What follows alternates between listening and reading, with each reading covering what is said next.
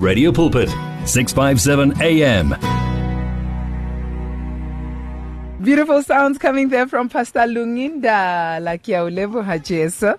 And uh, before him, it was Judith Sipuma. Oh, give thanks. And this was for a family member. I, I didn't get your name. I didn't get your name. Um, but your WhatsApp says love yourself. And uh, the last digits of your, four last digits of your um, WhatsApp number, uh, d- uh, double one and one five, double one, one five. So we played you Judith Sipuma. Oh, give thanks. Because you requested that I play it again. Uh, you just came in and it was playing and then you wanted to uh, hear it. And so, yeah, I hope that you've been blessed by that. And uh, the first one was uh, Pastor Benjamin Tube, Yiwolawa. And that's how we came out from our discussion or from our motivation slot, Nobabu Elijah Skosana. Taking also a moment to greet Untombi Nhlapo, saying, Amen, yo, late today, tuning in with my family. Hello, family, Agasis Ntombi Nhlapo. Hello, Sis Ntombi Nhlapo. Ndlovukazi. Thank you so much for being with us this afternoon. I'm excited in studio. I'm no longer alone. Uh, I'm not alone in studio. I am now joined uh, by Ubabu Nelson Munaheng. Silo Nelson Munaheng is in the studio with me today, sharing his testimony with us. Hello, sir. How are you? Ah, I'm well. How are you? Hi, Ngiyaphila. Welcome to Radio Pulpit. Thank you. Uh, Hey. It's honor to be here. Ah, ufuna ukungishayisa ubaba umnaheng. Ubaba umnaheng ubaba futhi sengize ngikubiza ngesitswana. Umu- Ubaba umnaheng ufuna ukungishayisa ngosisi bahle. Hayi sengithola ucingo. Sifangile at the door. At the door. Sorry about that. Bayangishayisa nina bazalwane. Ayinazi family la e studio ziyabuya. Are you well sir? I'm very well, thank you. How are you? I'm I'm glad. Um, and so you are sharing your journey with us. You have written three awesome books. You have written what influences your life, um, and uh, the second one is you create. Um, you are created for greatness, volume one and volume two. Yes. You yes. have a testimony with these books, nje. Before singena kuzo, you have a journey with these. Oh, oh, oh, oh, oh, oh, kwenzakalani babu Mnahi? What is Uh, your testimony today? The time I started uh, before I started even writing uh bengisebenza as a security guard in one of the companies in Johannesburg. Mm. So uh I got tired of the routine of waking up, going to work every day and not doing anything with myself, you know. Mm. I, I wanted to become different.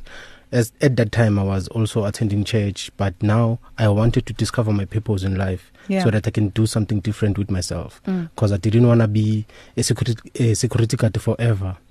So as I was busy trying to discover ukuthi okay God nkulunkulu what is it that you have placed in my heart that you want me to do that's when I got the first message of you are created for greatness Sure. from the message ukuthi the life and the challenges that I was facing at that time is when the message came in ukuthi I'm created for greatness I should never doubt myself wow. I should never look down on myself that's how the first book was born Sure. So you were created for greatness. It Yeah. it came from your thirst it came from a thirst of wanting to discover to be more. a different. Yeah. Uphuma from yeah okay. Kukuthi athi ngikhathele iroutine. athi ngikhathele iroutine. And so you got tired of the routine and you realized so what greatness did you find ngawe? before you could let another person know ukuthi you were created for greatness yes namhlanje ungazithola ukuthi uyi security guard yes namhlanje ungazithola ukuthi mhlawumbe ufuna umsebenzi uthi awunawo yeah mhlawumbe ungazithola ukuthi nesikolo ufuna ukuya esikolweni kodwa akuyeke esikolweni and you want to expand you want to grow. Uh but izinto azenzeki ngendlela wena ufuna ngakhona. Ngalendlela ufisa ngakhona. Ngingathi ufuna ngithi ufisa ngakhona. So the kind of greatness that you found kuwe ku ku- ku ubaba In a- in a- usillo yeah. eh munaheng Yeah. what was it?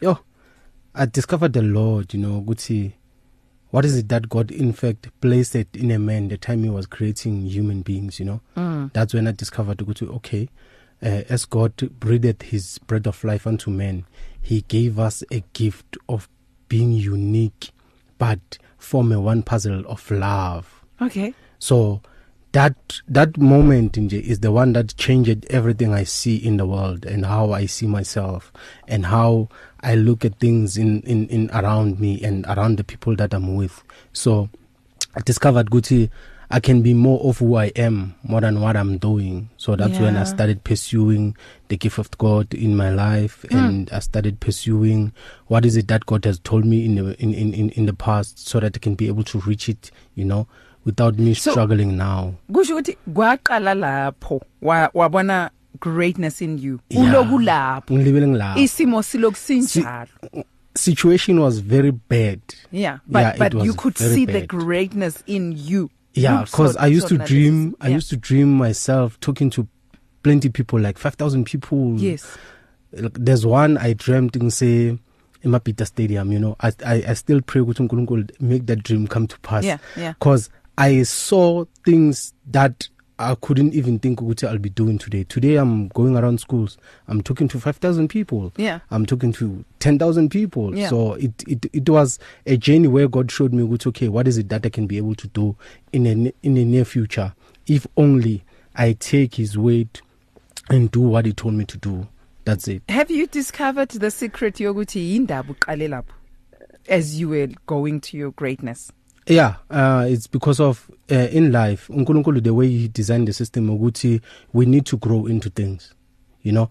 So god created the system so ukuthi sikhule ezintweni so that you can be able to to achieve or to reach where we need to reach. Mm. but if you don't grow into things you'll never reach where you're supposed to reach. So it was my time at that time ukuthi ngikhule emotionally spiritually and maturity yami so you had to go that journey i have to go through that journey yeah. and the process was not easy. So i had to go through everything that I was supposed to go through so that this person that's sitting here today can be born. So omunye umuntu ukulalele baba Mnaheng namhlanje uthi yazi ngiyakuzwa.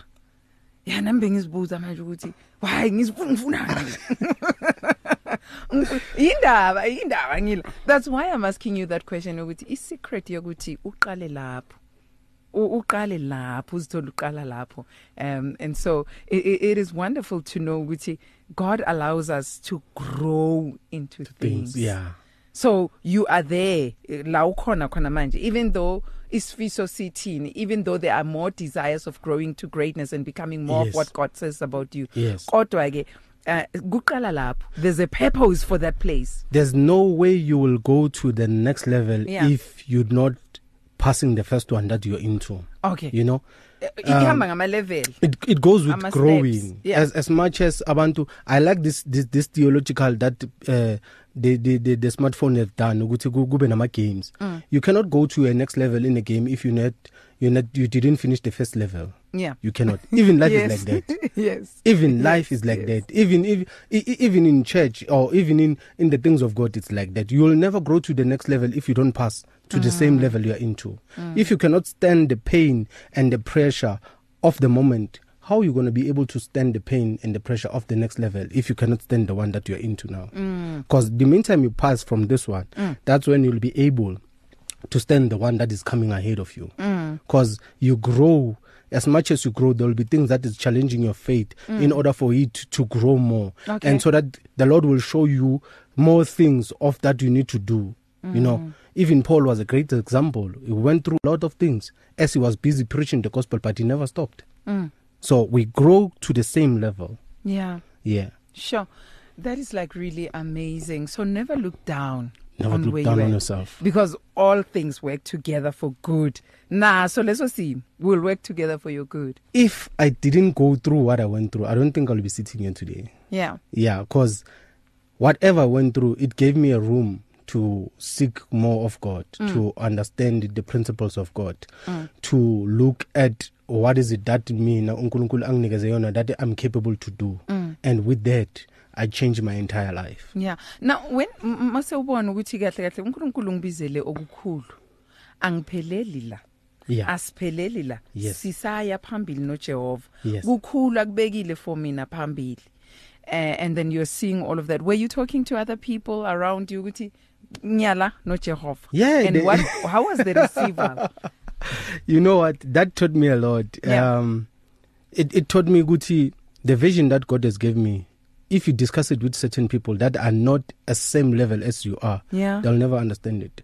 Instead they'll bring you down in order than for them to encourage you to go for more. Mm. so you don't share your vision with small minded people they will kill it. Eish. you know? So there's certain people that you need to talk Ife to ingazalwanga. yeah it, it will die without even being birth and Eish. once it's done that when yourself you'll suffer for not being responsible of what you're supposed to do Mm. yeah So, what is entailed in the book You're Created for Greatness? Ngiyabona kune volume 1, kubuye kube ne volume 2. yeah Um and so ng- futhi ngi- ngi- ngiyazibuza ngithi he i i volume 1 i- iku- iyo iyo yaba uqala mhlambe so ingqondo ithi mhlambe kwalandela what influences your life ngoba izinto ezenzakele ku volume 1 yeah that's how it went bese it, gives birth to volume 2 Two. Yeah, okay, that's how it went. about what's entailed in those books. yeah volume 1 it was the the first one that I, I I've written the time I discovered what I'm supposed to do Yeah. then whether what influences your life the things that influences me to be the person who I am Oh. at that time then I, I, I wrote about them but now the the, the good part ukuthi I was using the Bible in order for myself to be guided you know mm. so that I don't do errors along the way or because of I'll send a message to people thola ukuthi abayi understand it the way they were supposed to receive it Okay. you know so the message had to work in me first Yeah. change me Okay. give me a new vision Mm. give me a new platform mm. show me things that I, I- I'm supposed to get rid of and suppo- things that I'm supposed to gain you know so the knowledge uh, itself it changed who I am as perspective as life like izinto engizibonayo and how I see myself mm. how I talk how I visualize things how I address myself how I address other people mm. so the message had to work in me mm. work in my speech mm. work in how I spend money work in how I I I I, Wow. I, I discipline Even myself in finances. it it worked in everything yeah.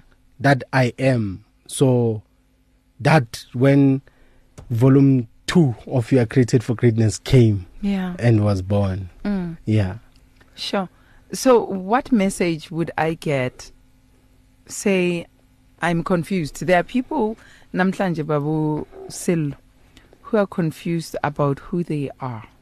Yeah. You found who you are, and you realize each and every one of us has got greatness in them. yes Eh nanoma mhlawumbe ngezinye inkathi I won't know it, I won't see it kimi. yeah kodwa God sees it Yes, in me nanoma yes. mina ngayiboni Yes, yes. nanoma abanye bangayiboni because where where you at abanye bebangayiboni lento uNkulunkulu athi ayishoyo ku bona a a bazibona aw silo oz ah prakrai ukhuluma ngani?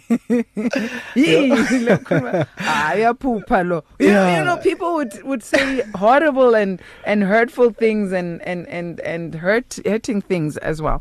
Kodwa ke so wh- what is that message le engizoyithola? Mhlambe ngi confused angazi kahle kahle. You know, Angi- angisiclear kodwa ngiyayizwa incwadi kuthiwa ithi you were created, Created for for greatness. greatness. You know God is not a master of confusion.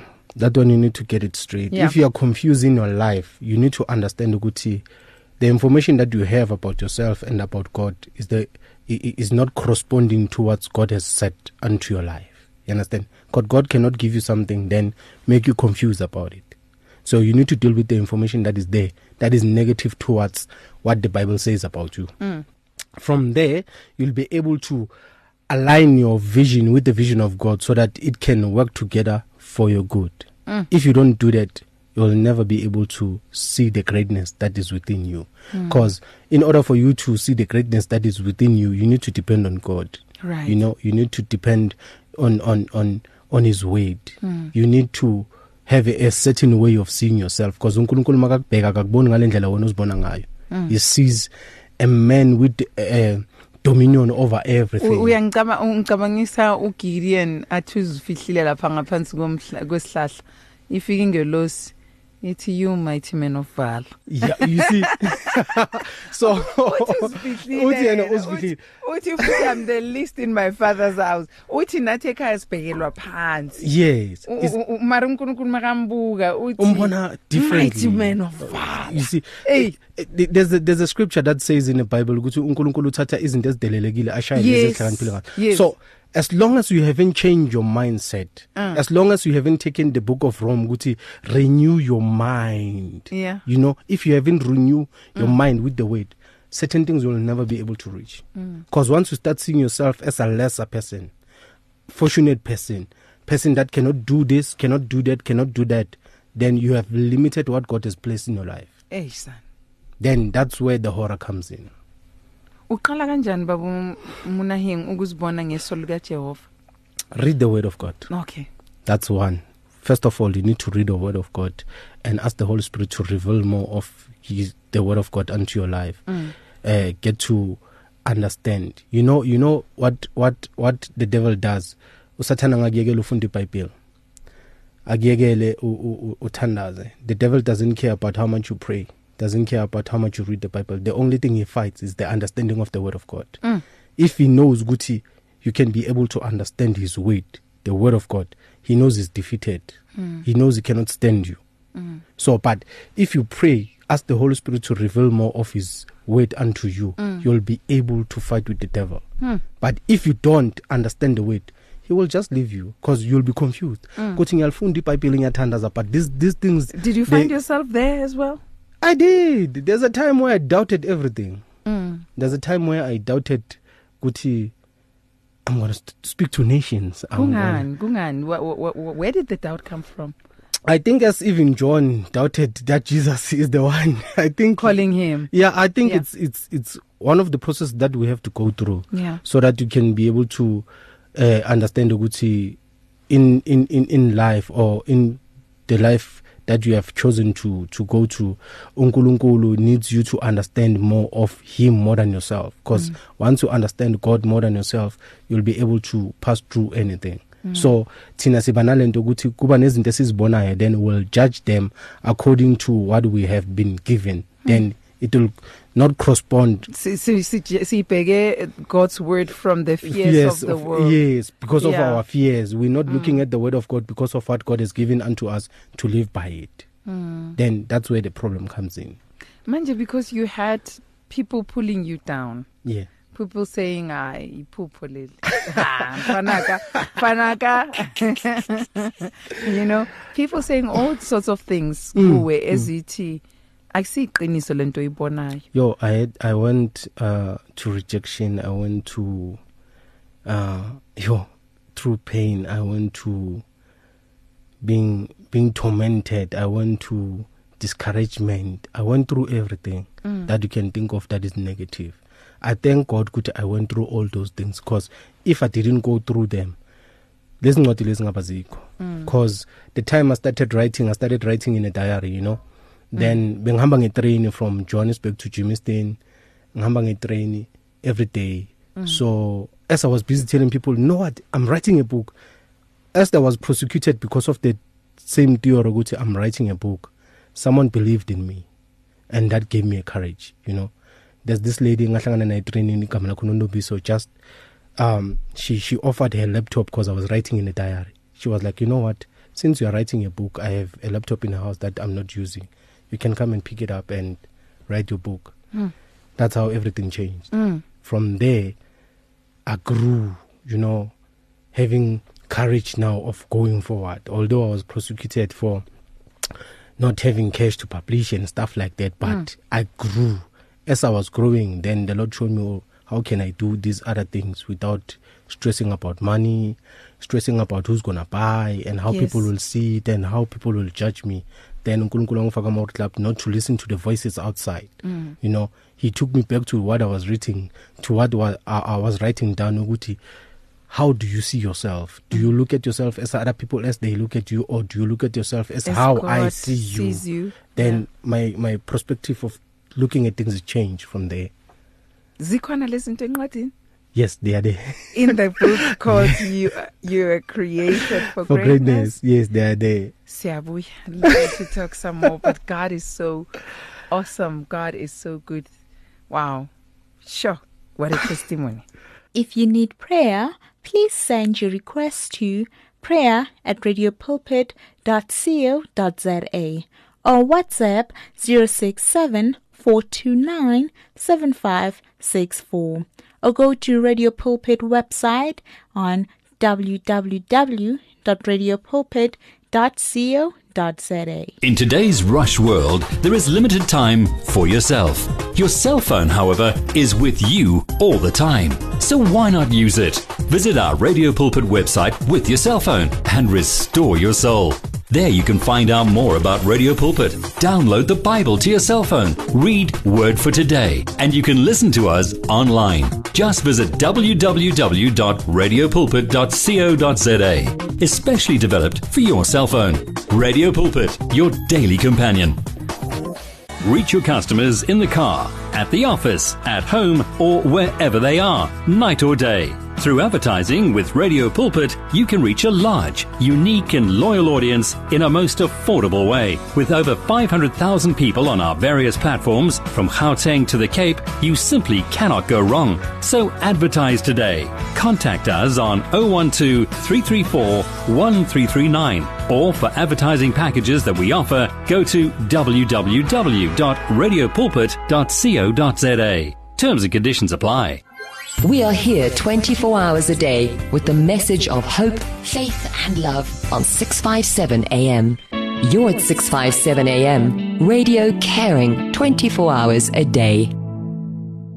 If he has promised, then he will do it. He's in control. He's El Shaddai, Adonai, King of Kings. He is. And we can trust his word. And that's a beautiful one there from Neville D.E.T. God, our God is awesome. We're sitting on 14 minutes just before four right here on Radio Pulpit, your daily companion. I am Swangile Mofokeng, sitting in for Bahleka Nhlapo Gujula Ezwini. I'm not alone. I am with Ubabu Silo Nelson Munaheng, sharing about his own testimony of where God took him to where he's at. Ubhali incwadi ezintathu namhlanje and he says I have seen the Lord and uh, the God who has promised he really came through for me. The very God who has promised he really came through for me. He is faithful faithful. He is faithful. And so you can talk to us in studio if you'd like to talk to him uh, before ngimdedela namhlanje.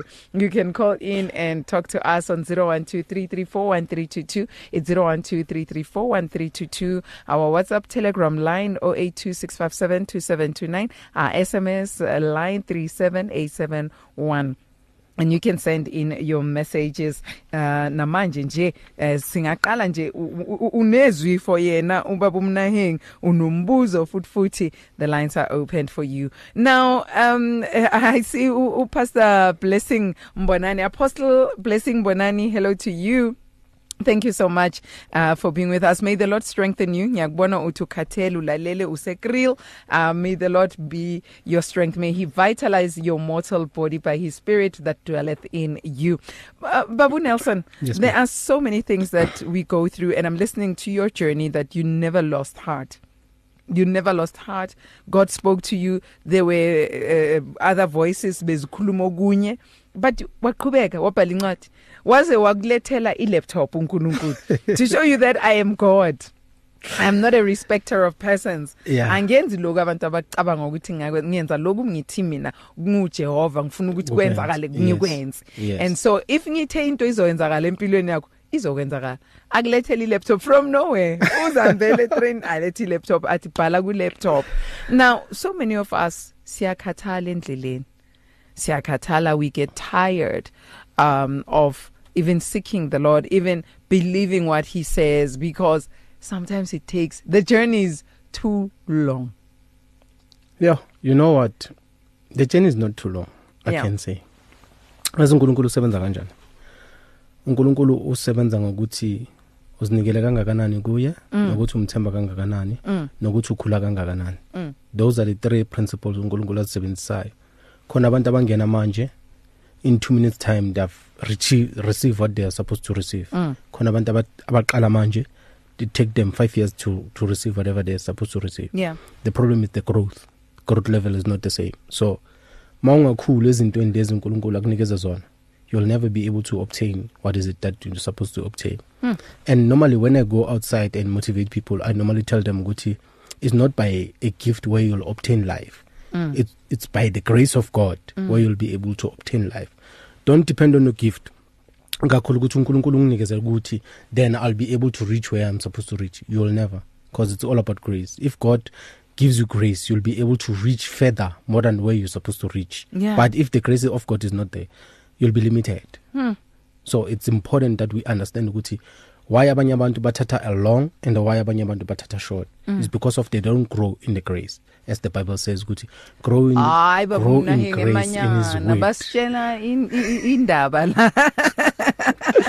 Bathi kithina Rome was not built in on one day. Rome was not built in one day. Yeah. And uNkulunkulu izinto azenzayo kithi it, he, he he gave us as he was breathing the breath of life unto us. Mm. How tina we grow it's what will determine how long we'll go. So our growing depends on, On what? how- us being hidden in him? Yes. And thina we need to understand ukuthi uNkulunkulu lokho akufake kithi kuze sikhule kuko. Nokuthi si receive whatever we need to receive how far we need to grow. Because siyenza i mistake this is the mistake we normally do. Yazi kufana nomuntu o- onemali wealthy person onemali. Az- a- a- athenga imoto because of he's got money. Once you buy a car because of you got money you'll never be able to take care of the car because of you got money. You can you ungathola accident ibe beyond repair because the car is not in you. You know so uNkulunkulu ufuna izinto zibe kithi so that you can be able to give back to them. That's why athi everything that you need is within you. God has given us all things that appertain unto life and godliness. So if god has already done it what is blocking us from receiving it? That is the question we should ask. Is it what influences us now? Thank sesingene you. kuleyo ncwadi thank you. Yeah. This that's what influences us now to be able to reach where we're supposed to reach. Yeah. in fact i'm writing a fourth book. Uh, at, at the current moment Okay. that says don't let your pain go to waste. Okay. So i'm explaining now more further about what i went through based on these books because you cannot give what you don't have. Hmm. it's it's impossible to give something that is not within you. You can only give what is inside what of you. what do you have? What you have that's why peter asks uh, uh, uh, to peter ati gold and silver i have i none. But as i have I i, shall give give. you. see Yeah. so you cannot give something that is not within you. It's impossible. That's why we need to grow unto things. You cannot do things because of you are able to. But if you grow onto them they'll be yours. The mistake we do thina sifuna ukuthenga izinto we don't want to grow into things so that we attract them towards us. Sure. Then how do we grow? The word. the word is the key to everything that we need in life. We need to understand the principles of god. That's one. We need to under, understand the principles god has placed in men we need to understand the different kinds of anointing god has placed in different people because it's all about the grace that is within other people that is pushing you to a different level. Mm. you understand? Because mm. umuntu omdala makayithe enganeni yakhe you shall prosper. That blessing that is a blessing that is grace. Um- um- umama upha umntwana igrace to prosper you know. Has spoken a word of life unto the child. Then the child will be able to to prosper. Mm. the child will never understand ukuthi oh why i'm so prospering like this is because of the word the spoken word unto the child that gave the child a progress of growth and prosperity in life. Are you reminding us also the importance yokukhuluma? It's very important. it's very important. everything everything that you're facing. Yeah. there's there's where i've spoken about lagu you're created for greatness about Yeah. be careful of how you talk. Okay. you know you need to understand ukuthi your language is very important. It's on, it's not only by words but the language you conduct those words is very important. Mm. the attitude towards or the attitude behind mm. the words is very important. We need to understand those things so that you can be able to deal with everything that is around you. May the Lord help us because we miss it. Even as his own children, yeah we do miss it at We do times. miss it at times. And we miss God's blessings and even reaching the places where we ought to reach because we are missing him. yeah Sure. Um, F- OM, I don't know.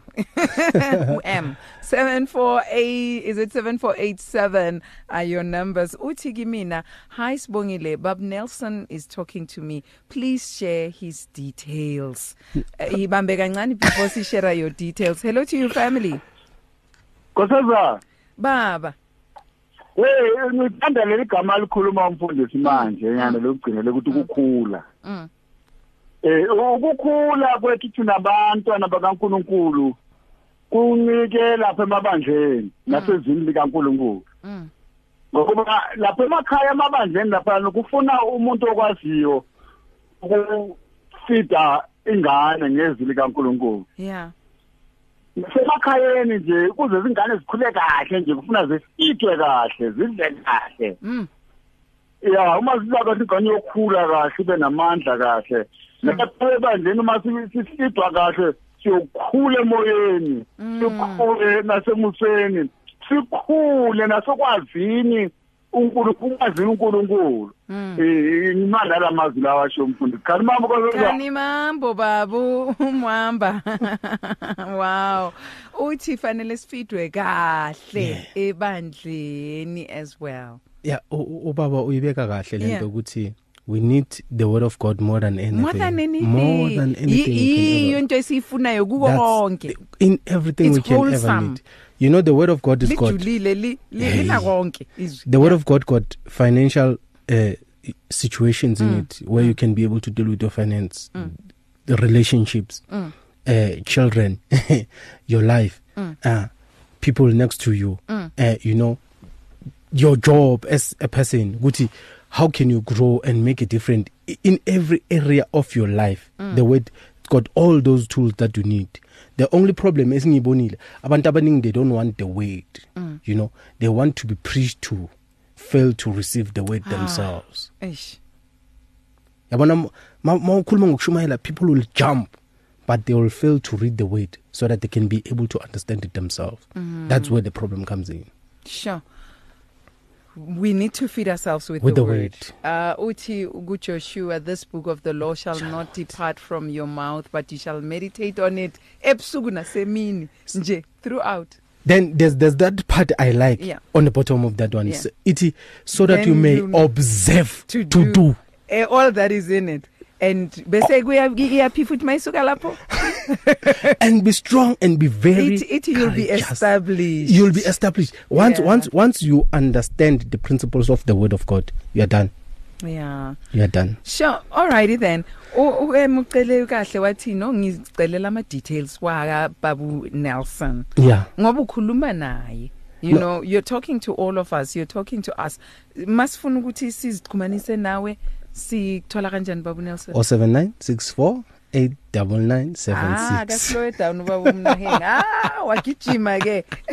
wagijima bo. 079 07964 Uh-huh. 89976 uh, you can be able to also order my books uh, via the whatsapp or call me Uh-huh. and also we can you can follow me on twitter author monaheng Okay. on instagram author monaheng on facebook author monaheng original then i have a youtube channel where i normally place where i'm normally attending and put it there on so that you can Ukuthi be namhlanje encouraged ngingapha. yes yes and this is what we spoke about and stuff like that yeah Yes, yes, yes, yes. Uh, and in, in in closure sithini kumlaleli sithini kuma family members. family members of Radio Pulpit, oh, may the grace of God lead you to right things, you know. May you be able to understand the will of God over your life. May you see His calling upon you and where you need to go and the direction that you need to take. May you understand His principles more than anything else you can understand in your life. Mm. Don't be don't judge every situation as the devil is attacking you, but the certain things that are coming into your life to train you, Mm. to build you, to encourage you, to mold you, Mm. and to prosper you. Mm. Not everything is from the devil. Mm. Don't always say the devil is doing this to you. Some of the things are coming there to train your spirit, to train right. your mind, to train yourself from conducting certain things or situations around you. Because Yeah. if you are not strong and courageous, you'll never be able to obtain or to stand against the devil uh, theological things that he brings normally unto us mm. so you need to understand what is it that God wants you to do mm. you know mangabe usebandleni you want the church to grow mm. feed the church the word of God Yeah. you know it's all about that once you feed the church the word of God it will grow mm. if you are youth uh, you in a youth you want to bring change the only thing you can give to others is the word of God. It will change them. It will give them a new meaning because the word it brings change. The word is change. It will bring a new meaning because the word of God is the mind of God. Once mm. a person gets the mind of God mm. within his spirit, the person changes, you know. So I want you to understand the will and the salvation that has been placed unto your life. Mm. Everything that you need is there. The only thing that you need to do is to be decided and follow the principles of God. Wow, follow the principles of, of God. God. For in it, because He is His word, we live, we move, and we, have our being. Yebo. He is His word. Yes. So konke eh kutholakala lapho ezwini lakhe. siyabonga baba umnaheng uh, for coming through to sharing your journey with us. We thank God for your journey. Um because your journey ministers to my journey. Um ingakho umuntu uzothi ukhuluma nami ukhuluma ngami. Yes yeah. nyazi ukuthi bakhona ufuna ukubabingelela masinyane lapho? Uh i like to greet everyone in Heidelberg uh in Swaziland. There's people who listening to yeah. us in Swaziland and Botswana. Yeah. um i like to greet everyone in Botswana Swaziland yes. uh Heidelberg Johannesburg yeah, yeah. I, i greet you all and ngithanda ukuthi nje nikhule. Ningakhokhobi but niqine emseni wakhe. Yeah uNkulunkulu uyathanda bafethu. Let us grow more into his word. Amen. Thank you. Um the numbers again zakababu munaheng 079 648 9976 yeah. 079 648 9976 And may the Lord keep you. May He bless you. May He make His face shine upon you. May He be gracious to you. May He give you His peace and uh, good success as you reach uh, to His people, as you go minister to His people. May they find Him in you. Um, as you have spoken to our lives, may He continue to use you to touch more lives, to heal, to restore, and to bring hope to others and strengthen them on their own journeys. Thank you so much for this um, awesome discussion that we just heard with you. And uh, congratulations on your books and the fourth one that is coming. Yeah. W- what volume is it? Or is it uh, a new no, one? No, it's going to be a new one. okay. Yeah. So he has written You Are Created for Greatness, Volume 1 and Volume 2 What Influences Your Life as well. Uh, siyabonga, siyabonga. Um, a blessed one to you, sir. Thank you so much. Thank you, family. Ah, we thank God who keeps his word at all times. If you need prayer, please send your request to prayer at radiopulpit.co.za or WhatsApp 067 429 7564 or go to Radio Pulpit website on www.radiopulpit.co.za. Reach your customers in the car, at the office, at home, or wherever they are, night or day. Through advertising with Radio Pulpit, you can reach a large, unique, and loyal audience in a most affordable way. With over 500,000 people on our various platforms, from Gauteng to the Cape, you simply cannot go wrong. So advertise today. Contact us on 012 334 1339 or for advertising packages that we offer, go to www.radiopulpit.co.za. Terms and conditions apply.